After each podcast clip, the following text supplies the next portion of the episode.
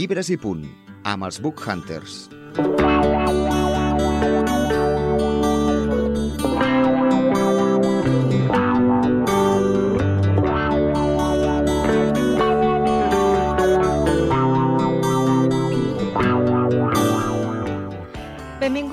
Nou programa de Llibres i Punt des dels estudis de Ràdio Sant Boi. Nosaltres som en Sergi i la Laia. Hola Sergi, què tal, com estàs? Bé, una mica empiocat, així que potser la meva veu avui és pitjor que habitualment, però content. Bueno, esperem que et milloris aviat. I bé, doncs en Sergi i jo som els Book Hunters, com diu aquesta careta, compartim la nostra passió lectora a les xarxes amb aquest nom. Uh, a quines xarxes? Doncs crec que gairebé a totes. Uh, ens podeu trobar a YouTube, a Twitter, a Threads, a Substack, a TikTok, a Instagram.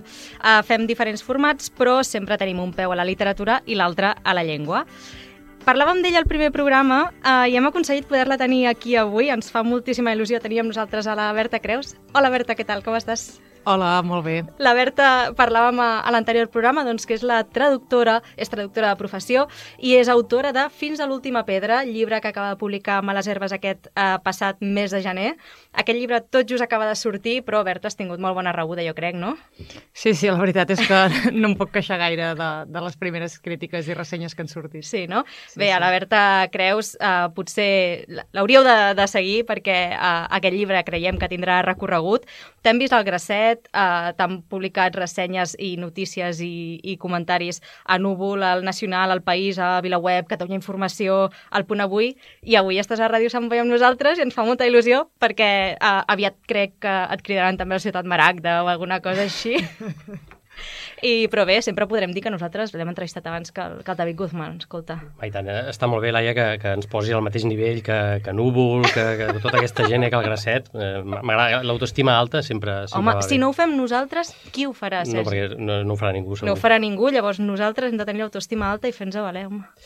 Bé, eh, nosaltres la Berta no l'hem conegut ara. Eh, ella és part activa del Reducte Català, un col·lectiu de ressenyaires en llengua catalana a, a les xarxes, sobretot Instagram, però també altres xarxes, del qual nosaltres també en formem part, i bé, ja ens vam conèixer allà i hem, bueno, hem, ja tenim algunes batalletes conjuntes, no? ja hem muntat alguna, i bé, eh, ja fa molt temps que la seguim, ens agrada molt com, eh, com parla dels llibres, com explica els llibres que llegeix, però avui doncs, ens fa molta il·lusió tenir-la aquí com a autora, com a flamant autora debutant eh, d'una editorial com Males Herbes, que, que, que ens agrada molt i que seguim, doncs això eh, trobem que és molt important.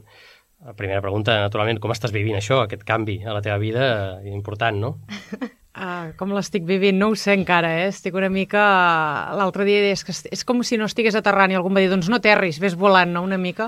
Uh, sí, o sigui, diguéssim que en el meu dia a dia sí que hi ha, hi ha hagut algun petit canvi, però tampoc de manera exagerada, però clar, és uh, la manera de, de, de viure-ho tot plegat, tot el, el, el feedback que vaig rebent de la gent, com l'assimilo i tot això, i clar, mm, partint de la base que jo era una persona que em costava horrors que la gent em llegís, que ho tenia tot amagat amb un calaix, que alguna vegada participava en un concurs, però perquè tenen aquesta mena de filtre que pot ser que ningú t'acabi llegint.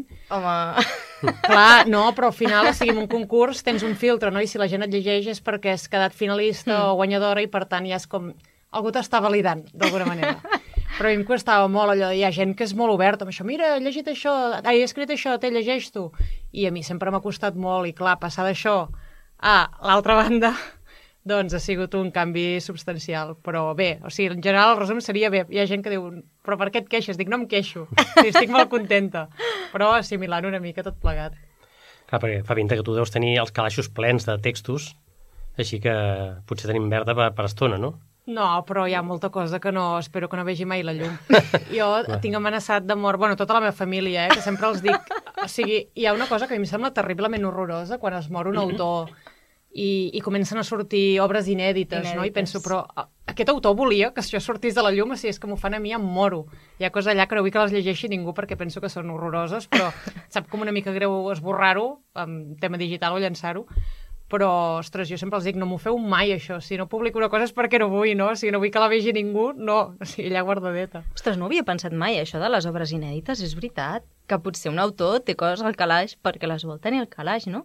Que fort, és veritat, no? I a vegades No sé. penses que igual no estaven ni al seu calaix, que senzillament et diuen sí, és de tal autor que es va morir i com no que pot dir que no... coses. No, saber. això també, Això eh? també passa, oi? Jo a vegades també ho he pensat, és inèdit, però d'on ho has tret? D'on ha sortit això? Bé, esperem que no tinguis previst morir-te en breu, Home, per tant ai. que això no passi. Previst? No. Previst no, i esperem que no passi. Però bé, expliquem una miqueta el llibre, perquè, clar, aquí hem vingut a parlar del teu llibre, no, no de mi llibre, sinó del teu llibre. Jo intento explicar-lo, jo crec que és un llibre complicat de- d'explicar, llavors ja que et tenim aquí, doncs tu ens podràs validar si realment l'hem entès o mm, ens podràs explicar una mica com el veus tu o què tenies al cap eh, quan el vas escriure, no? A veure, tenim un llibre que té com dos fils eh, temporals o dos fils argumentals, diguem. En un eh, apareix un home, que mm, és l'inici, diguem, eh, té aquest nom, l'home, que va canviant de nom al llarg de, dels capítols, però és així, que arriba a un poble abandonat, que està derruït, en ruïnes, i troba una vella que va movent pedres d'un cantó a l'altre. No? I aquest és un tipus de capítol, un, uns capítols que estan numerats amb números romans, i eh, en aquests mateixos capítols hi ha com dues vessants, dos fils temporals dintre d'aquest mateix fil. L'actualitat aquesta de l'home en el poble abandonat i el seu passat des de que era petit i tota la, la seva trajectòria vital. Per altra banda, tenim, diguéssim, els que són relats, relats aparentment independents, tot i que només aparentment, que expliquen la vida en aquest poble, no?, de quan estava ple de vida, quan aquest, no sé si és aquest poble només, o pobles en general abandonats en l'actualitat, però que en un moment van tenir molt, molta vida, i no acabes de deixar-ho clar, però en vas deixant algunes pistes perquè ens fem alguna idea de quan estan ambientats eh, aquests relats. No? Qui, qui sap llegir entre línies, que no és el meu cas gaire, perquè el tema de la història no, no els porto gaire bé, però eh, vas donant pistes per saber més o menys en quin moment de la història eh, ens situem. Bueno, com deia, no, per mi no, no és gaire fàcil d'explicar aquest llibre. Creus que me n'he sortit prou? Està perfecte, està perfecte. No, M'agradaria no, saber- no em puc queixar d'absolutament Has res. passat l'examen, Sergi. Molt moment, bé, molt bé. M'agradaria saber com l'expliques tu, una mica, i, i què, què és el que en destaques més, no? Diguéssim, quin és el, ja no diré punt fort, però sí la cosa que primer et ve al cap quan, quan parles del teu llibre. És, eh, les pedres són el més important, l'herència, la història, què, què, què és el que primer destaques? Uh, i, I sempre quan parlo d'aquest llibre, normalment la primera paraula que em surt és el llegat o l'herència, perquè al final és una història de, del pes, no? Les pedres acaben sent aquest pes de, de l'herència que, que portem a sobre, tant de, a nivell individual dins la nostra família amb un, amb un sentit més reduït o en el sentit més ampli, el llegat que nosaltres absorbim del lloc on vivim, com ens arriba a influir tot el passat del lloc on vivim. I per mi les pedres són això. També és veritat que això ha anat sorgint mentre anava escrivint, no és allò que diguis, eh, era una idea que tenia i a partir d'aquí eh, van anar sorgint els relats, van anar sorgint la història, sinó que al final veus aquesta connexió entre tot, entre la història de, de l'home a dins del poble, la història de l'home al llarg de la seva vida i la història del poble en si, i com aquest pes va eh, increixendo, diguéssim, um, al llarg de, de, de la història, tant de l'home com del poble. Clar, jo no, no vull explicar gaire perquè penso que és un llibre que val la pena descobrir-lo i, i ja no descobrir-lo, sinó saber com funciona a mesura que vas llegint, perquè l'altre dia ho parlàvem amb la Laia, no? que està bé els llibres aquests que comences completament perdut, que dius, hosti, no, no estic entenent aquests dos fils, eh, com lliga tot plegat, i que ho acabis descobrint tu mateix. No? Llavors, a mi m'agrada això de, de, de descobrir, no sé si jo vaig acabar de fer tots els links possibles, tots els enllaços que, que es podien fer, Però, però tampoc cal, eh? no, no? Perquè crec que No, deixes, penso que molt, no. deixes molt a la imaginació, també, no, una mica? Sí, i a més a més, sí, jo m'ho passo molt bé deixant coses amagades per allà al mig. Hi ha gent que les veurà, hi ha gent que no les veurà. N'hi ha que, que crec que són tan terriblement rebuscades que no les veurà ningú, però més una mica igual. O sigui, jo tampoc ho faig en el sentit de va, posaré això perquè la gent ho vegi. Jo ho poso perquè m'ho passo bé fent-ho i després, uh, si algú ho troba, jo crec que li farà gràcia de dir, ostres, mira, aquí he fet això. A vegades potser també troben coses que jo ni les he pensat, també pot passar. De moment no m'ha passat, amb res molt concret, però per mi és com un joc i, i m'agrada que la gent hi pugui entrar també i que s'hi puguin implicar en la mesura que ells vulguin. Hi ha gent que crec que hi entra moltíssim i hi ha gent que s'ho llegirà potser més de passada i es quedarà més amb la història més superficial. I també està bé. O sigui, jo crec que la gràcia és que hi puguin haver moltes lectures d'un mateix llibre. Clar, jo tinc por de, de, de les dues coses, eh? de, de no, no entendre res i a vegades de passar-me de frenada, de dir, ai, sí, aquí he trobat que no sé què, que sigui una paranoia meva.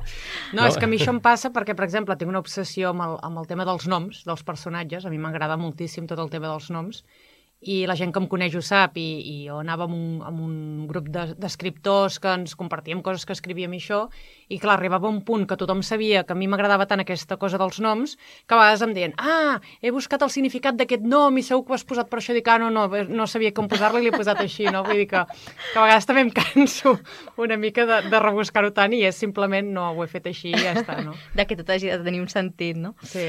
Um, amb, amb això que comentava en Sergi d'aquests dos tipus de, de, de fils temporals, no? o d'aquests uh, capítols que van amb números romans, els que no, um, de fet, uh, hi ha una mica d'interconnexions, que bé, uh, amb el que comentaves ara, no sé si les haurem enganxat totes o no, o si potser ens hem inventat, perquè jo vaig llegir el llibre després d'en Sergi, i en Sergi em deia, però t'has de fixar, intenta fer una lectura així en plan, com més, més conscient, no? a veure què trobes, i jo crec que potser algunes coses com me les he inventat jo, però sí que és veritat que, que no, a, a la contra del llibre també es parla això, novel·la de contes, no? Uh, que, que bé, normalment hi ha com els contes i els relats, després hi ha les novel·les, no? Però tens una novel·la de contes.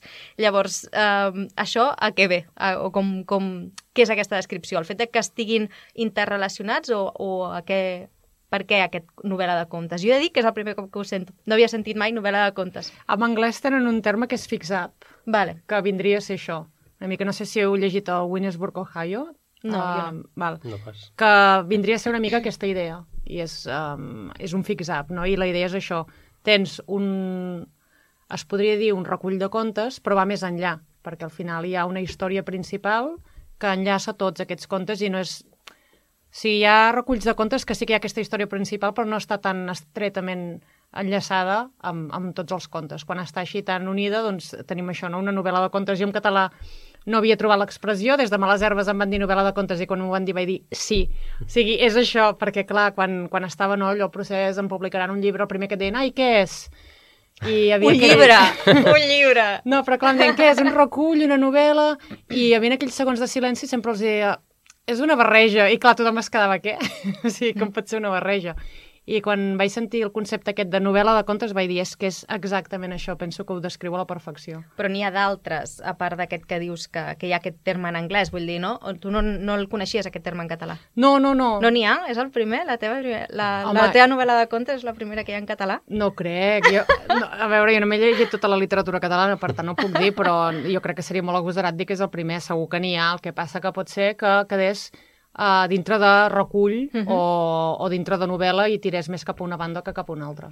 Sí, a mi em sona algun, eh, alguna cosa similar, però és com, com deies ara, no? que el fil que uneix els relats és un fil que no té tant a veure eh, amb els relats, no? Diguéssim, és senzillament posar-hi una- un paraigua a sobre d'on pengen els relats, però no està tan estretament relacionat, o sigui, aquest fil que, que en un principi no, no acabes de lligar, bueno, pots intuir-ho, perquè clar, eh, sempre hi ha aquest poble, no? En, eh, en un fil està abandonat, l'altre fil està perfectament viu i, i amb molta, molta vida, diguem, però això, jo tinc algun referent, ara no sé si vols que en citi algun, jo que sé, el, eh, un dia la porta s'obrirà de, del Massip i, i l'Esteller, Ah, que tenen, tenen aquest, que són relats independents de terror i de, de fantasia i tal, però que està fet així com, com a, bueno, seguint l'estela de Frankenstein de, de Mary Shelley, eh, ells doncs, es troben perduts en, un, en una casa, es queden que van de vacances i se'ls hi posa a ploure i s'han de quedar tancats, llavors es dediquen a escriure relats. Mhm. Però que el fil de sobre no té a veure amb els relats en si, no són relats independents. Però és la, la cosa més semblant que jo l'he llegit. Però també suposo que és agosarat dir que és el primer que es fa així, però escolta, jo crec És que, que està ara- molt aconseguit. Ara m'ha vingut al cap fins i tot un llibre que t'agrada molt a tu, el de les muses, Ah. que al final també acaben sent relats. O sigui, si tu els separessis i llegissis, sí que hi ha tota la història de la poció, bueno, la cosa aquella que es veuen, Sí. però eh, si tu agafessis les històries per separat, els podries llegir com relats independents, en Mhm. realitat. Mm. I que al final ell també ho acaba enllaçant d'una manera que acaba s'acaba dient que és una novel·la, però també ho podries entendre com un, Sí. com Mm. un recull. Sí, amb punts en comú i l'estructura és diferent, però sí, s'hi podria semblar. Mhm. T'ho compro. Llavors, a veure, parlem de pedres, perquè les pedres, eh, jo sé que són importants per tu, les pedres antigues, que a tu t'agrada molt. A més, abans de venir hem fet un caminet venint aquí a la ràdio i t'hem portat a veure les pedres de Sant Boi, les termes romanes. Bueno, Sí. les, ha trobat, les ha trobat ella sola, Sí. però... Me, me, ostres, és que he deixat el cotxe just a davant, ha sigut com... Em criden les pedres, i més no ho coneixia, i, i ostres, sí, sí, he quedat sorpresa. que tu fas servir moltes veus a la, a la novel·la, perquè clar, com hi ha relats aparentment independents, com dèiem, doncs eh, hi ha molta gent que parla en, en, aquest, en aquesta novel·la de contes, però les pedres tenen aquest paper, no? Vull dir, són, en teoria, les que tenen la veu. Tu, tu les fas narradores de la teva història? Consideres que les pedres són les autèntiques narradores de la teva història? Sí, de fet ha... Clar, jo vaig fer moltes versions abans d'arribar a aquesta i n'hi havia que, que fins i tot combinava una mena de, de... O sigui, jugava més amb les veus provinents de les pedres, eh, com fins i tot fent com un, una degradació entre la veu de la pedra, que era més freda, i després que agafava la veu del personatge, però és que eren unes flipades tan bèsties que, que no hi arribava, lògicament. I, i llavors vaig dir, bueno, el, ja, tinc un, el Dani, vosaltres el coneixeu, Daniel Clemente, el meu company de podcast, em va dir, simplifica. simplifica, si us plau, perquè també feia uns inicis amb una mena de versos, una cosa molt rara, i vaig pensar, sí, tens raó, he de baixar una mica les revolucions i anar a la base i, i vaig anar cap aquí. Que, que és el primer, Berta, calma. Ja, ja, ja hi haurà temps. Jo crec que això és d'aquella típica cosa que potser només, només haguessis entès tu, no? Sí, bueno, sí, i que, i que ja no, no només per rebuscat, sinó perquè tampoc acabava de funcionar ben bé, mm. saps? O sigui, jo també ho veia que allò coixejava una mica i no, no. A Instagram t'hem vist eh, visitar pobles abandonats, crec que tens afició ja, a part de, de, del llibre aquest, i tens afició a visitar-los. T'hi has inspirat en aquestes escapades a, en pobles així? Has visualitzat coses de, que després han acabat a, en el llibre? Sí, sí, sí. Jo, una pregunta recurrent és, és d'algun poble en concret? No. Sembla que ho amagui, no?, perquè no hi vegi ningú, però no, realment no. És una barreja de molts llocs on he estat. Eh, de pobles, de masies, de diversos llocs que al final acaben sent tots molt semblants, sobretot tots els de la zona de la, de la Sagarra històrica, que és mm, per on volto més jo, i, i acaba sent un conglomerat, algun carrer que m'ha marcat molt, alguna casa en concret, i al final els he acabat barrejant tots una mica. A mi una cosa que em va, que em, que em va xocar de, de, del llibre uh, era el tema aquest del llenguatge, que segurament ja t'han preguntat 50 cops també, no? però que uh, el llenguatge que fas servir hi ha com paraules que que per mi tenen un altre sentit i en canvi crec, no, no sé, no me l'he apuntat gairebé, però diria que per exemple la paraula camins la fas servir d'una manera, no?, que, ostres, jo no l'havia sentit mai uh, feta servir així, no? Llavors, no sé si tu has fet un esforç de recuperació del llenguatge o és que realment en certs entorns d'aquests pels quals tu dius que, que et mous uh, sí que encara es fa servir? Sí, sí, és, és llenguatge, és com es parla a casa meva, sí? bàsicament, sí, sí. El camí en concret jo crec que s'està perdent molt ja amb noves generacions, però, per exemple, els meus avis el feien servir moltíssim, uh, la meva mare encara el fa servir bastant, i, i jo molt poquet, i sí que és veritat que, clar, el vas deixant de fer servir quan veus que el fa servir i la gent et mira com dient, no sé què m'estàs dient. Però eh, precisament que a mi, si el busques al diccionari, surt. O sigui, el diccionari normatiu, ni tan sols has d'anar a un diccionari estrany de mm, dialectes ni res. Hi ha altres coses que són molt d'allà, i, i que, per exemple, la meva parella m'ho deia, diu, ostres, diu, aquí hi haurà paraules que els de Barcelona no entendran, m'ho dir així, no? Dic, a bueno, per context s'entén però... tot al final. Donem sí, fe, sí, donem sí. fe, sí. Que, que moltes... Bueno, per context sí, però déu nhi tota l'estona parles de casa teva, casa teva, no ho hem dit, però uh, tu ets de, si, si espero no equivocar-me, Sant Martí de Tous. Correcte. Sant Martí de Tous. Sí, sí. Prop de, perquè la gent ho ubiqui al mapa, prop d'Igualada per... Està passat Igualada i està a la frontera ja entre la província de Barcelona i la de Tarragona. Per mm -hmm. això a vegades hi ha paraules o, o maneres de parlar que són més de la província de Tarragona que la de Barcelona. Tenim una mica de barreja. És zona xipella, si sou aficionats als dialectes, que s'ha perdut molt, però, bueno, més o menys allà, uh -huh. zona fronterera. Clar, és important per tu, no, el llenguatge. O sigui, reflectir tot aquest llenguatge que eh, cada vegada està més en desús, suposo que era, és un tret identitari teu, pràcticament, que havia de ser-hi en, en un treball que probablement ens trobarem en un futur també, no? Sí, més que a mi m'agrada molt uh, quan, quan escric, fins i tot quan envio missatges de WhatsApp i tot, i m'agrada molt imitar la, la, la parla. Sí, és que em sembla al·lucinant, no? Perquè al final sempre escrivim d'aquesta manera tan uh, pura que no és real. Clar, avui dia la parla segurament seria allà un matxembrat de castellà, anglès, ja seria una cosa stickers. molt això, no? Exacte. Però, per exemple, stickers, jo ho escric en català, no? Eh, stickers, amb la Q...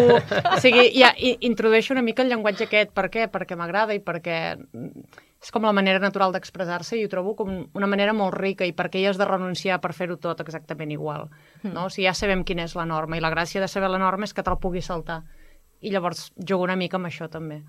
Però amb el maco que és comunicar-se amb gifs de la Mari Sant Pere i de, i Això de, també. i, i de l'APM. Això també, això també. Això ja és de vell, eh? No sé si ho saps, sí, però... sí, sí. Home, els, estem- gifs, els gifs són, ja, ja m'ho van dir, el, el- els joves de per aquí a Sant Boi ja em van dir que això de, dels gifs Són eh, vells, és ja. senyal, bueno, escolta, ho hem d'acceptar. Ah, no, no, jo, jo ho tinc acceptadíssim, això, eh? Jo també, perquè ni, ni que no ho acceptés. no?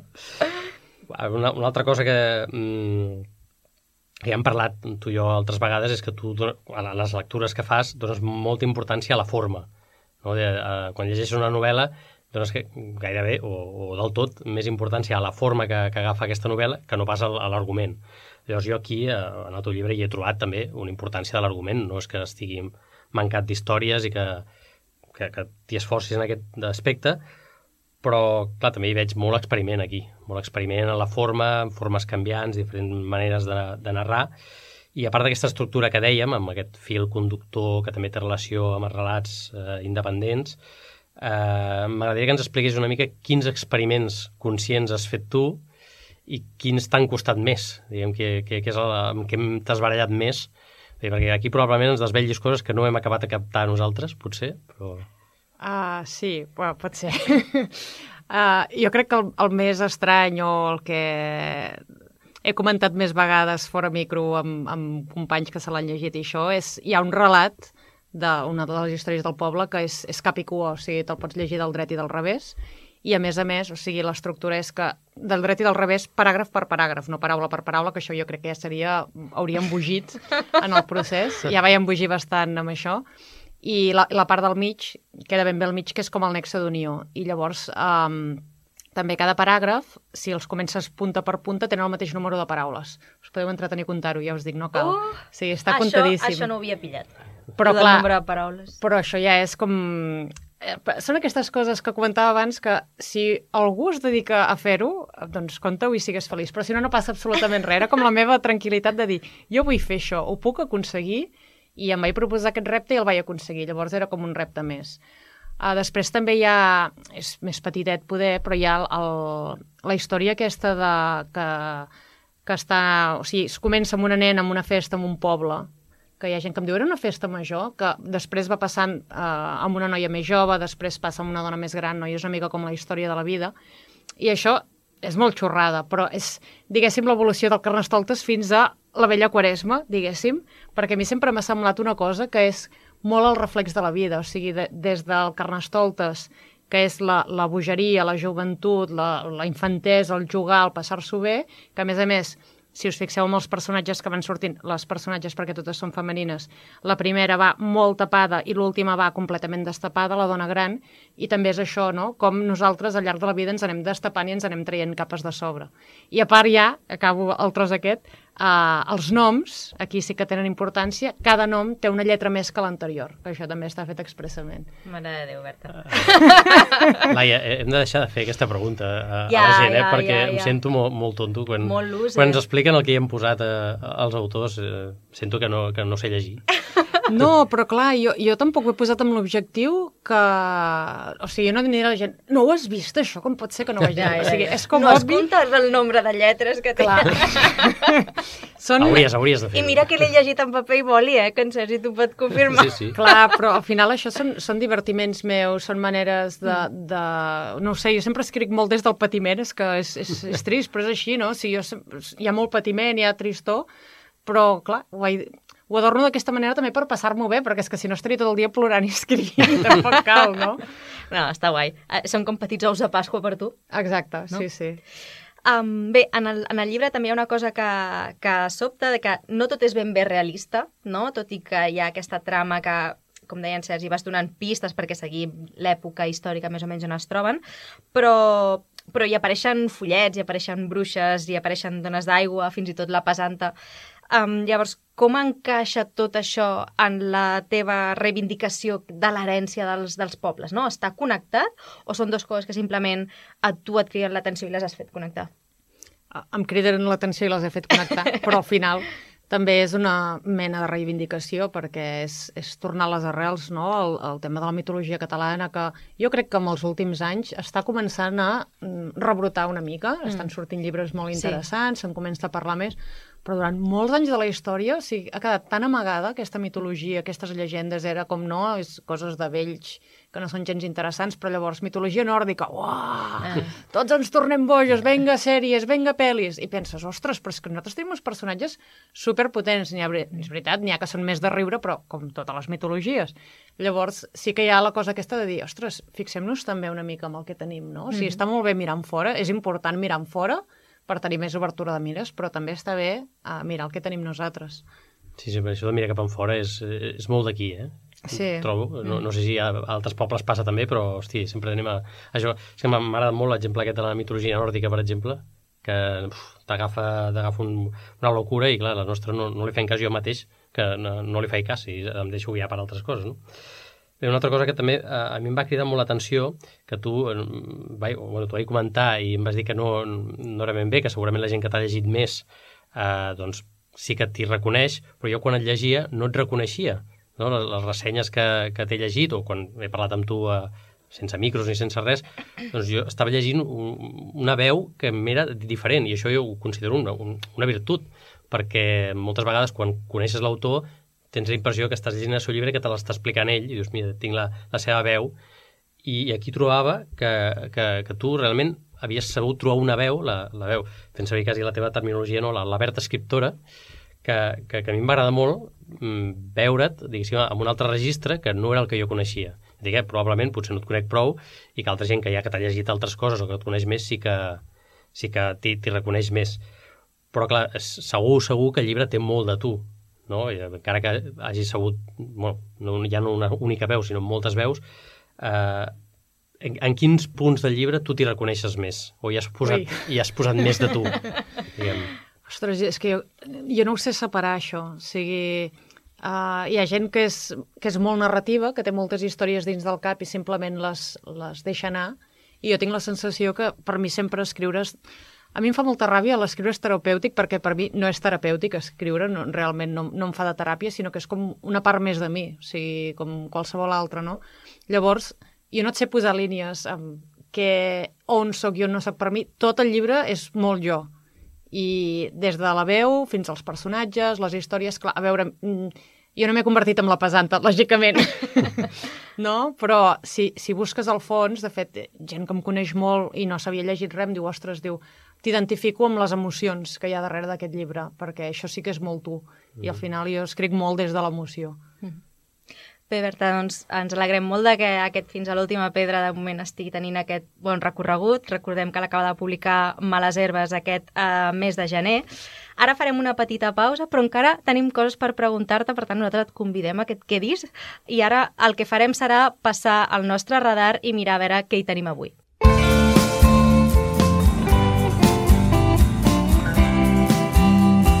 Llibres i punt, al radar.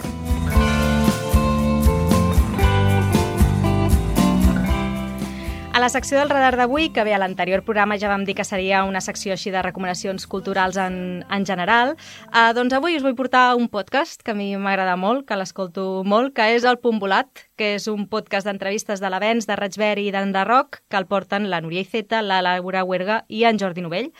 El Punt Volat és per mi aquell podcast al qual et voldries assemblar, perquè la veritat és que entrevisten a gent del món cultural molt, molt diversa. Vosaltres l'escolteu, Berta, Sergi? Jo sí, jo sí. M'agrada sí, no? molt, també. Tu, Berta, l'has escoltat algun cop? Jo he escoltat programes concrets de, uh mhm. -huh. de persones que han convidat que m'interessaven i, i superbé. Jo crec bé. que pels enamorats del món del llibre, el, el Punt Volat és un podcast molt xulo perquè entrevisten a més a gent, dins del món del llibre entrevisten a gairebé tot l'espectre, no? des d'escriptors fins a, a maquetadors, editors, a periodistes culturals, vull dir, jo crec que han tocat totes les tecles, però no només es restringeixen al món del llibre, que potser és el que potser toco més o tinc més a prop, no? sí que també han entrevistat a artistes, a músics, a filòlegs. I m'agrada que les entrevistes eh, són com molt íntimes, sense passar-se massa tampoc, no? però en el bon sentit, no? de que coneixes la feina per la qual aquella persona doncs, és reconeguda, però alhora eh, també parlen una mica de la seva vida personal, cadascú fins on, fins on vol explicar, no? Però això m'agrada molt, saber la trajectòria vital de la gent, uh, perquè en el món del llibre, concretament, eh, tu penses, ostres, algú uh, de, quan era petit volia ser editor volia ser no sé què, no? I, I veus, en el món del llibre em sembla que ja com la gent ve de molts llocs diferents i tothom ha acabat doncs, en una editorial o publicant o escrivint, uh, i aquesta cosa és com que m'agrada molt saber-la i, i trobo que ho fan a més molt bé, no? I ho expliquen d'una manera doncs, com molt elegant, molt maca, i això que deia, no? És com un... Dius, ostres, a mi m'agradaria no? fer el, el punt volat. Llavors, el que és la part de l'entrevista la dirigeixen la Núria i la Laura, i llavors elles van fent unes certes pauses que els diuen, a més, em fa molta gràcia. Li diuen, ara fem un punt i seguit, ara fem un punt i a part, no? I en aquestes pauses, en Jordi Novell el que fa és uh, colar aquestes cançons, no? Fa aquestes petites pauses musicals i també m'agrada molt que dues de les pauses musicals uh, les ha escollit el, el propi entrevistat, però la tercera no. I en alguna entrevista que he escoltat és, a més a més, és un, allò de reaccionant en directe, vull dir que de vegades han ficat alguna cançó i a l'entrevista et diu, aquesta cançó fa per mi. I està molt bé, no?, perquè també, doncs, sabent la trajectòria d'aquella persona, li escullen una cançó que li creuen que li encaixa i de vegades surt bé, de vegades surt malament, però també m'agrada molt aquesta, aquesta part, no? I en general això, clar, jo al principi escoltava els que m'interessaven o els que coneixia i a poc a poc crec que els he anat escoltant com tots, no? perquè al final cadascú té una història que també és xula d'explicar i, i m'ha permès doncs, conèixer més a, a certa gent que no coneixia gent, no coneixia gens. Um, dic que bé, sí que és un podcast una mica intermitent, ara mateix està d'aturada, Uh, doncs perquè, a veure, són gent doncs, que dirigeix editorials i que té altra feina, no? Em sona això de gent que fa el que pot, que és molt multitasking i que al final fa el que pot um, i per tant de tant en tant fan pauses. Ara em sembla que els estan, aquest matí veia que em sembla que els estan penjant a Twitter com van penjant recordatoris, no? Perquè la gent pugui escoltar els que ja han fet, però jo espero que tornin molt aviat perquè el punt volat doncs, sempre surt els dilluns i llavors jo quan tinc punt volat els dilluns, doncs els dilluns són menys dilluns amb el punt volat, llavors no sé, jo espero que tornin aviat Digues. Sí, sí, no, està, estic molt d'acord amb tu. Eh, també, sí, no? jo probablement no l'he escoltat tant com tu, però una mica també escollint el convidat, però al final és aquestes coses que, com tenen una estructura molt semblant sempre i que al final tothom té una història interessant darrere, eh, crec que val la pena posar-se'l i, mm -hmm. i deixar-se portar com a vegades feia amb els vídeos d'alguns creadors de continguts, no? que igual el llibre que expliquen no, no m'interessa especialment, però sé que l'explicaran d'una determinada manera i, escolta, em deixo portar i sempre aprens coses i, i t'acaba interessant segur. I ells ho fan molt bé, la veritat. Sí, sí, és un podcast que bé, doncs des d'aquí veig, veig que si tots tres l'hem escoltat algun moment o altre és, és d'aquells que val com, com la pena, no? Doncs bé, aquest ha estat el radar d'avui i Ara, Berta, posarem una mica de música. Uh, creiem que has d'escoltar aquesta cançó, l'hem triat especialment per tu, uh, per encarar la segona part de l'entrevista, i esperem a veure què t'agradi, a veure què et sembla aquesta cançó. What's the ugliest part of your body? What's the ugliest part of your body? Some say your nose, some say your toes. I think it's your mind, your mind. I think it's your mind. Et sona, espero? Sí, bastant. la cançó, podcast. Sí, no? La cançó és What's the Ugliest Part of Your Body, de Frank Zappa, i és una sintonia que la Berta coneix bé perquè és la sintonia del seu podcast, Bucòlics Anònims. Sí, no saps com se m'enganxa aquesta cançó, eh? És terrible. És terrible, no, no hi ha manera, o sigui, ja passo estones i estones cantant, se'm ve a la ment, mare Déu, senyal que us escolto i que, que m'ho feu passar molt bé, la veritat, amb el, amb el vostre podcast, ja us he comentat abans, el fas amb el Dani Clemente, i això de Bucòlics Anònims, doncs, bueno, ens agradaria que ens parlessin una mica també, perquè bueno, vam començar tota la gent d'Instagram que ens hem fet podcast, al final hem començat més o menys al, al mateix temps, i el Bucòlics doncs, és molt especial i el trobo molt especial perquè crec que hi ha molta química entre vosaltres. Hi ha una complicitat que a mi se'm fa molt evident i m'agrada molt, és, a vegades sembla una mica estripat no? el, el, el, els episodis i així perquè comenceu parlant d'un llibre i, i no se sap mai com acabeu però tot té un sentit, tot acaba tenint un sentit i la veritat és que jo m'ho passo molt bé escoltant-vos i, i vull que ens en parlis una mica perquè, perquè jo crec que us ho passeu molt bé fent-lo, no? Sí, sí, sí, clar, amb el Dani Realment amb el Dani ens coneixem de fa moltíssims anys, el que passa que vam estar molts anys eh, pel mig que no vam tenir cap mena de relació i ens vam retrobar fa pocs anyets. I teníem moltes ganes de fer alguna cosa junts i no, anàvem proposant coses, no trobàvem res que ens acabés d'enganxar i això i allò un dia estàvem fent un cafè, estàvem els dos en un moment bastant baix i no sé si va ser, allò vaig ser jo ja, però vam dir allò de, i si fem un podcast que n'hi ha 10.000, però en fem un per nosaltres, per passar-nos-ho bé, per tenir un, un, un projecte comú, i vam dir, va, i llavors vam dir, com que sempre parlàvem del Siddhartha, perquè sempre, del Hermann Hesse, que sempre rajàvem moltíssim d'aquest llibre, vam dir, hosti, fem un, provem un episodi parlant d'aquest llibre. I jo li dic amb el Dani, dic, va, fem una mica de guió i tal. I em diu, no, home, no, diu, ni guió ni hòsties. Diu, ens posem allà a parlar i el que surti. Ah, va sortir un episodi que... jo no sé ni de què vam parlar, però jo me'n recordo que vam, bo, el vam destripar, però bastant, que fins i tot una mica ens va dir, us vau, us vau passar una mica i tot, eh? Però bueno, era el primer hem anat millorant, hem anat aprenent coses. Sí que és veritat que mirem que hi hagi el mínim guió possible, perquè precisament penso que... O sigui, nosaltres, a la manera com el plantegem, és que ens fem com una mena de guió cadascú pel seu compte sense dir a l'altre de què parlarem. Caram perquè així hi hagi el factor sorpresa cap a l'altra persona. Hosti, si més genuí, no? Si m'ho fes sí. la Laia això, jo, jo em moro. No, no, no, no saber què, què ha de passar, jo em sembla que m'agafa Però és molt divertit, perquè a vegades surten... Hi ha coses que, que veus que ja ho havies pensat tu, moltes coses, allò anem tatxant i anem dient, hosti, això ja ho... Bueno, aquestes coses, no? I n'hi ha d'altres que, sobretot el Dani, que mai saps per on sortirà, que me'l quedo mirant allò... Després, quan ho dites, tinc aquells 10 segons de silenci perquè me'l quedo mirant pensant, serà possible que m'estiguis preguntant això? Però vaja, uh, jo crec que ens ho passem molt bé i que, i que es nota i, i que per molts anys, perquè realment... Um, jo crec que o sigui, nosaltres estem com molt contents, a més a més, sobretot dels últims episodis, crec que, que, que hem anat agafant el rodatge i que hem anat aprenent moltes coses, no? Eh, L'enregistreu a la Biblioteca d'Igualada, no?, sí. al podcast que tu hi tens un vincle addicional amb aquesta biblioteca perquè hi fas un club de lectura en anglès, sí, no? exacte. I què tal aquesta experiència d'un club de lectura en anglès? Bé, la veritat és que bé, hi vaig anar una mica perquè la noia que el feia em va dir Berta, jo he de plegar, ho vols agafar tu? I vaig dir, no he fet mai un club de lectura, anem a veure què passa, no?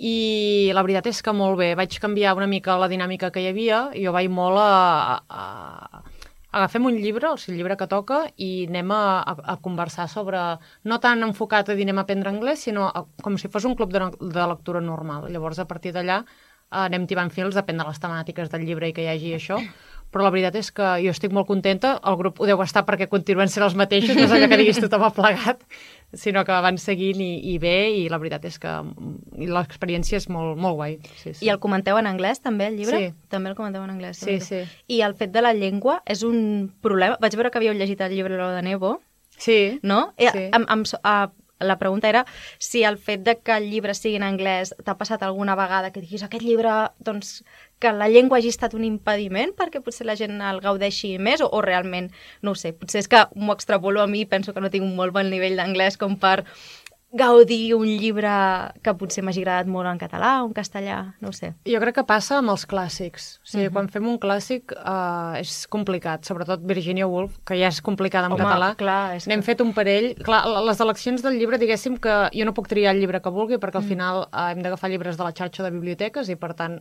hi ha, n'hi han d'haver prous per tothom i llavors fem una mica de tria entre jo i, la, i les persones que treballen a la biblioteca. I clar, de quins llibres hi ha més? Clàssics. Llavors, a Virginia Woolf i Sol- i Solcer l'hem fet dues vegades i acostumen a ser llibres que la, molta gent no s'acaba o diuen "Mm, crec que no he entès res o que, bé, que són bastant complicats. I també, per exemple, a Jane Austen, clar, llibres d'aquests que mm -hmm. són més difícils, però tot el que són llibres més moderns normalment no acostuma, no acostuma a ser gaire problemàtic. Jo no, no em puc imaginar com, com ha de ser llegir Virginia Woolf en anglès. Clar. Llegir Clar, en català Això ha ja, de ser ja molt costa. heavy, sí, sí. Clar, jo sempre els dic que veure males malíssimes, doncs eh, busqueu la versió en català que us pugui ajudar una mica i tot. Jo no sé què fa cadascú a casa seva, tampoc els hi pregunto. No vaig allà, us ho he llegit tot en anglès o no? no Envieu no cal, fotos, envieu proves de que esteu llegint en anglès. No, no cal, no cal. Clar, jo vaig llegir Frankenstein en anglès i vaig suar, eh? Sí, Vaig sí, és dels difícils. sí. Bé, i a part de podcast, de club de lectura, les teves activitats literàries, doncs, hem d'anar a raure allà on et vam conèixer, que és a, a Instagram, on fas les teves ressenyes. Eh, ara potser està una mica més parat, no sé si arran de la publicació del llibre. Sí, no? sí, sí. Ara sí que et vaig veure una ressenya ara fa uns dies de, del Ramon Mas, Mm. aquest, eh, que acaba de publicar a l'altre editorial, i no sé si tens previst eh, reactivar-lo o de moment anar-lo deixant comentaràs el que et vingui no, de gust. No, el deixi. No, a nosaltres, clar, jo, jo pateixo perquè a mi m'agradava molt el, el, A el veure, ja, ja sabeu que jo no sóc de fer plans i que quan els faig els canvio 10 vegades. Per tant, ara mateix no t'ho sé dir. Uh, M'ha baixat moltíssim el nivell de lectura. Uh, primer, i, i més important, perquè uh, des de principis d'any estic amb Guerra i Pau. Uh, aquesta edició són- nova. Sí, Uau. són 2.000 pàgines i vaig al meu ritme. Llavors ho vaig combinant amb altres lectures perquè necessito combinar-ho amb altres lectures, però sí que és veritat que amb tot el tema del llibre la meva concentració s'ha anat bastant en orris i em costa bastant uh, llegir. Llavors, clar, el meu nivell de lectura era una persona que últimament llegia molt i ara estic llegint més aviat poc. I darrerament ja, és veritat, o sigui, ja amb tot això, l'última part aquesta del llibre uh, tenia menys temps, llavors feia menys ressenyes i pensava, val, doncs prioritzo els llibres que m'han agradat molt i, i vaig una mica així, no? O sigui, ja no ho ressenyo tot perquè tampoc no tinc el temps, llegeixo menys i tot suma. Dir, mm, no faràs més ressenyes? No ho sé. vaig una mica on em porti el vent, anirem veient. Et vindrem a buscar. No sabem Sí. on vius, però et vindrem a buscar. A Igualada. No hi deu haver tanta gent a No, Igualada. no. A la biblioteca, al club de lectura. Ens colarem al teu club de lectura. Sí, bueno, no, no he dit el compte, però bueno, que la gent se l'apunti perquè eh, encara que no hi hagi ressenyes molt regularment, en tens les antigues, que val Sí. molt la pena recuperar-les, és Berta Creus barra baixa, Sí. la barra baixa és important. Sí, per perquè és que ja hi havia una Berta Creus sense barra baixa, llavors hi haver de posar alguna Va. cosa i em feia mandra pensar també, i va ser així. Això per un mòdic preu T'ho arreglem. t'ho arreglem. Bé, llavors, eh, el que dèiem, mm, potser el teu ritme de lectura ha disminuït eh, amb aquest temps, però si estàs llegint Guerra i Pau pots estar tot l'any llegint- llegint-lo. Sí. Eh, no és gratuït tampoc que diguis això, jo sé que tires molt cap als russos, però clar, la, la pregunta també és obligada, què li agrada llegir a la Berta Creus? Perquè també part de, de, del llibre d'aquest que estàvem parlant avui, de Fins a l'última pedra, es deu a totes les lectures que has fet al llarg de, de la teva vida, no? Vull dir, si penses què és el que t'agrada llegir, què, què, què et ve al cap? Ara faré aquella resposta tan absurda, m'agrada tot. No, no és ben bé així, no, segurament no m'agrada tot. menys Siddhartha, no? Però... no, fins i tot. O sigui, jo crec que sóc una persona que mai no faig un lleig un llibre. És a dir, perquè tu em diguis aquest llibre va sobre X o aquest llibre té aquest estil, no diré no, de bones a primeres. O sigui, jo em llegiré un llibre i diré m'ha agradat o no m'ha agradat. Però no et puc dir un estil o un tipus de llibre que no em llegiria mai perquè penso que a vegades fas unes descobertes impressionants i fins i tot els llibres que no m'han agradat gens, que normalment els, els deixo abans no els acabi, uh, en pots treure alguna cosa. Llavors, sóc molt oberta a llegir uh, una mica de tot. Sí que és veritat, com has comentat abans, que m'agraden molt els llibres, que la forma pren una part important. Però també és veritat que hi ha altres llibres que tenen trames que m'interessen molt. Sempre parlem amb tu de la nostra estimada Ursula K. Le Guin, que combina les dues coses. I, i, en parlarem, parlarem després també. Uh, però si vols que em focalitzi més amb el tema de, perquè estic aquí desvariejant, uh, de, de Fins a l'última pedra, jo crec que aquí s'hi veu molt Víctor Català, perquè a mi Solitud em va, és un llibre que em va marcar moltíssim. Jo crec que també hi ha... No, no s'acostuma a comentar perquè tothom parla de Pedro Páramo, és el Pedro Páramo a la catalana. Sí que hi ha la, la part aquesta de, de, de fantasmal del llibre, però hi ha un llibre que no surt mai i que jo crec que a mi em va marcar molt i més me l'he llegit moltes vegades, que és Cims borrascosos, que jo crec que també hi ha una mica l'ambient. També és un lloc de molta boira, de molta solitud, de molt fantasma, i, i jo, va, a mi aquest llibre... Hi ha molta gent que l'odia, no sé per què, suposo que per als personatges, però a mi és un llibre que, que em va marcar molt en el seu moment i que l'he llegit infinitat de vegades. És un llibre que jo, jo, jo ho he explicat altres vegades, eh? és el, el meu primer intent amb, amb una Bronte o, o qualsevol cosa similar, però jo no sé si tenia 14 anys o jo sé, era una criatura, me'l vaig posar a llegir i el vaig deixar estar. Dir, ara que no deixo cap llibre, mai, però, però el vaig deixar estar i allà es va quedar i pensant que jo no llegiria mai coses d'aquestes, però clar, ara, ara que he començat a llegir, ara que ja no em tanco portes, com, com deies tu, no? ara ja no, no em tanco a... Això jo crec que aquest l'hauré d'acabar llegint, perquè bueno, em passava una mica com Rodoreda, no? que, que de- des de l'institut no l'havia llegit i la vaig llegir fa un parell d'anys també en pes per dir, bueno, escolta, atreveix-te perquè a l'institut no la vaig suportar però qui sap ara, i hòstia, ara vaig veure que Rodoreda era una altra cosa quan la llegeixes de gran jo crec que tard o d'hora acabaré llegint Cins borrascosos Ah, jo crec que amb Cins borrascosos també passa aquella cosa que no sé per què la gent ho relaciona amb Jane Austen i s'imagina una cosa molt lluminosa i és tot el contrari, no? És foscor, depressió, ràbia, venjança, llavors, clar, si no Ens estàs... agrada, ens agrada això. A mi sí, m'encanta. Jo tot el que sigui foscor, no ho sé, m'atrau. Bé, si us agrada la foscor i la boira, doncs, fins a l'última pedra de la Berta, el llibre que acaba de treure a les herbes, també trobareu molta boira.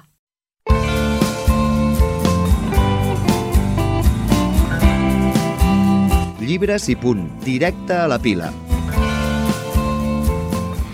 Doncs bé, aquest directe a la pila també. Al principi ho anirem recordant per si la gent no sap molt bé què és això de les seccions. Al directe a la pila vam dir que parlaríem una mica d'aquelles novetats literàries que a nosaltres ens criden l'atenció, no? Què destaquem avui, Sergi? Avui te'n porto dos, perquè l'altre dia ja et queixaves de que te'n portava tres. Per que me la vas colar a moltes- última hora. Sí, sí, és veritat. Uh -huh. uh, traïció. Uh, hi ha moltes coses a les piles de, de, de les llibreries i avui em porto un que no podem deixar de destacar, que ja s'havia ja, ja, s'havia publicat, diguem, ja estava a les llibreries uh, en el primer episodi que vam fer, però que és Planeta d'Exili, de la Úrsula K. Le Guin, i aprofito que tenim a la Berta aquí, que ja ho he dit abans, uh, jo sempre dic K. Le Guin, perquè com, com un avi, eh, no, que no, no sap pronunciar. Llavors, si us plau, Berta, digue'ns uh, uh, com, com es pronuncia el nom d'aquesta autora. No, és Le Guin. Le Guin. Però jo vaig buscar com ho deia ella, perquè tothom deia Le Guin i, dic, "Mm", i ella es deia Le Guin. No sé on era que una vegada vam dir algú, algú, algú el va dir com en francès, com Legan, i van dir, no, no és francès, aquesta senyora, el seu cognom no és així. Bueno, que no sapiguem pronunciar el seu cognom no treu que ens agrada molt Mhm. aquesta, aquesta autora i a poc que estigueu ficats a les xarxes ja sabreu que Raig Ver està reeditant tota, tota l'obra d'aquesta autora en català amb unes edicions fantàstiques que ens encanten i de fet nosaltres l'hem conegut ara perquè és una autora doncs, que ja falta des de fa un temps, no, no gaire, no fa, no fa molt que va morir, però una autora amb una trajectòria llarguíssima eh, segurament eh, injustament oblidada una mica al costat de, dels grans mestres de la ciència-ficció i de, del gènere fantàstic en general, però ara, per sort, l'estem reivindicant, i des de que Rajbert l'ha dita, nosaltres l'hem llegit tot, a casa hi ha estat tots els eh, llibres que li ha publicat, Mhm. i ens encanta, i és de les poques autores, probablement, que compartim amb la Berta, Sí. perquè tenim gustos molt diferents, però Lewin, que no ens la toquin. No? Correcte, sí, Això, sí. Lewin sempre i en tot moment. Llavors ara, l'últim que, que Rajbert li ha publicat és Planeta d'Exili, que és tot just el segon llibre que ella va escriure, i és del, del cicle de l'Ecumen, diguéssim, d'aquests de ciència-ficció. Mm, Per ara, del que li han publicat ja el cicle de Terra-Mar, que és més fantasia juvenil, però deixem-ho en fantasia, i el cicle de l'Ecumen, que és eh, bueno, de la Lliga de, dels Mons i és de, de, de la línia de ciència-ficció. I bé, com ja vam dir el primer dia, són llibres que encara no hem llegit. Eh, aquest Planeta d'Exili és encara el llibre de, publicat per Rajberg, que encara no tenim a casa, però no trigarà, ja t'ho dic ara que no trigarà. Eh, I bé, l'argument és molt, molt Lewin, eh, perquè és... Eh, la Lliga dels Mons arriba a, a un món de, de tants que, que ha arribat per, per bueno, que s'uneixin a, a la Lliga i és un, hi ha una població nòmada, diguem, i no se suporten entre ells. O sigui, els, els colonitzadors que venen de la Lliga dels Mons i aquesta població nòmada no se suporten, sembla ser, però per un enemic comú que tenen doncs hauran de fer pinya i bé, és una, crec que és un argument molt, molt leguin, primerenc, però que ja, ja apunta les maneres, no sé. Que els enemics, els enemics comuns ah, uneixen això molt, sempre, eh? Això sempre. Uneixen molt, això de tenir un enemic Tu comú. l'has llegit aquest, Berta? No, aquest no l'he llegit. Exili? Mm, No, no, el llegiré segur perquè el llegeixo tot, Clar. però no, no. Ara, jo estic aprofitant poder-los llegir en català amb aquestes edicions, que recomanem des d'aquí. Mm. -hmm. eh, vull dir, trobareu moltes edicions antigues i en castellà i tal, però la feina que estan fent a Raisbert amb traducció sempre de la, la Blanca Busquets, almenys els eh, que són novel·la, perquè també tenen un, un assaig seu que va traduir l'Helena Ordeig, si no m'equivoco. Doncs bé, que, que Lewin sempre, en tot moment, i imprescindible a casa nostra i que espero per molta gent. I obriu la sobrecoberta, sobretot, que jo al principi no ho sabia. Hi han sempre sorpreses. Sí, sí, sí, Sí, és sí, que les sí. edicions són, És que són és un una combo, sí, sí. Sí, bueno, és que, bueno, ja, ja que s'hi han posat, doncs s'hi han posat eh, amb tot. Bé, la segona proposta que us porto és de l'autora de Frankenstein que comentàvem abans, és Matilda, que, que l'ha publicat Hades i ara, ara eh, acaba de sortir, amb traducció de la Marta Pera. Oh. També una traductora que eh, eh, aprof aprofitem la vinentesa Ens està fent els efectes sonors, la Berta, l'entusiasme. Ara Però- que sento Marta Pere ja és... Oh! Bueno, nosaltres també, ja ho vam dir a, a Llegiu que el món s'acaba, que tot el que toca a aquesta dona ho millora i que li acaben de donar a, El premi. el Premi Ciutat de Barcelona de Traducció per Orlando i jo que he llegit Orlando fa, fa no res acredito que és que se'l mereix totalment, perquè és un llibre que és molt difícil, jo crec, i amb la, amb la seva traducció al català doncs eh, s'agraeix, s'agraeix molt. I aquest Matilda jo he de dir que el desconeixia totalment, perquè bueno, Mary Shelley, eh, l'autora de Frankenstein, que jo tampoc he llegit, uh -huh. eh, tu Laia sí que el vas llegir, sí, has dit abans que sí. m'ha costat, tu també el deus haver llegit, Berta. Sí, sí, és, és una passada, eh? te l'has de llegir perquè... Sí, és que el, el porto també aquest perquè la meva intenció és llegir Frankenstein aquest mes, eh, per un repte d'aquests de lectura. Eh, una de les propostes, espero no trigar, llegir un llibre entremig que, que tinc encara i ella, però poder llegir Frankenstein perquè ja toca, realment ja toca. Jo llegir en català, ja t'ho dic, uh -huh. perquè el vam trobar de segona mà en català i vaig dir, me l'emporto perquè si l'he de llegir en anglès... L'edició del 1800 que, que la li va costar a, a mi, a mi pot ser terrible. I bé, aquest Matilde es veu que no té res a veure, jo, ja, com, com dic, no, no el coneixia, i és un llibre eh, més íntim i es veu que és una mica autobiogràfic, eh, que parla d'una relació tortuosa entre un pare i la seva filla després de que la mare morís al part, Llavors eh, parla de la naturalesa de les passions, de la culpa, de la redempció, que són temes que eh, avui en dia doncs, es tracten molt, però aquest llibre està escrit el 1819, 1819, uh -huh. que es diu aviat, ja té més de 200 anys i per tant doncs, eh, clar, pioner eh, uh -huh. tocant tots aquests temes. I bé, doncs, si, si m'agrada Frankenstein, jo crec que doncs, és una bona opció perquè des ara fa una gran feina també de recuperació uh -huh. i amb la traducció de la Marta Pera, doncs, bé, què dir, no? Jo vas posar Matilda i jo vaig dir Roald Dahl, saps? Ja, Clar, sí. que... I després vaig veure Novetat Mary editorial, Shelley eh? i dic, oh, oh, dic, ni idea d'aquest llibre. No, no, que jo tampoc el coneixia, però el vaig veure que el publicaven i dic, escolta, uh -huh. això val, val la pena tenir-ho en compte. Fantàstic, doncs. Uh, abans d'acabar el programa, com sempre, a nosaltres ens agrada saber, som uns xafarders i ens agrada saber què està llegint tothom. Per tant, Berta, començarem per tu. Uh, què és el que estàs llegint ara? Bueno, ens has dit que és Guerra i Pau, no sé si és la teva única lectura o si és, sabem que és una lectura llarga i lenta de gairebé 2.000 pàgines, no sé si en tens algun entremig o si realment això d'haver publicat el llibre t'ha fet una pausa molt gran lectora. Ara mateix, a dia d'avui, és Guerra i Pau. Tinc un parell allà per començar que estic decidint a veure quin, quin és. Un és el de la Roser Bernet. Roser Bernet es diu la que ha guanyat el Premi També, de eh? Ciutat, Ciutat de de Barcelona. Uh, I ara no recordo el títol i, i m'estic morint. Però el, és segurament el pròxim que em llegiré així entremig amb, amb Guerra i Pau. Uh -huh. Tu, Sergi? Doncs jo estic acabant uh, Ara de Torta, d'Itamar Vieira Júnior, que va publicar Periscopi amb traducció de Pere Comelles. És l'any passat un periscopi endarrerit que tenia i estic aprofitant ara. Jo també estic amb un periscopi amb La Vila Perduda de Max Gross, traduït per en Ferran Ràfols, que també no és una lectura... Oh.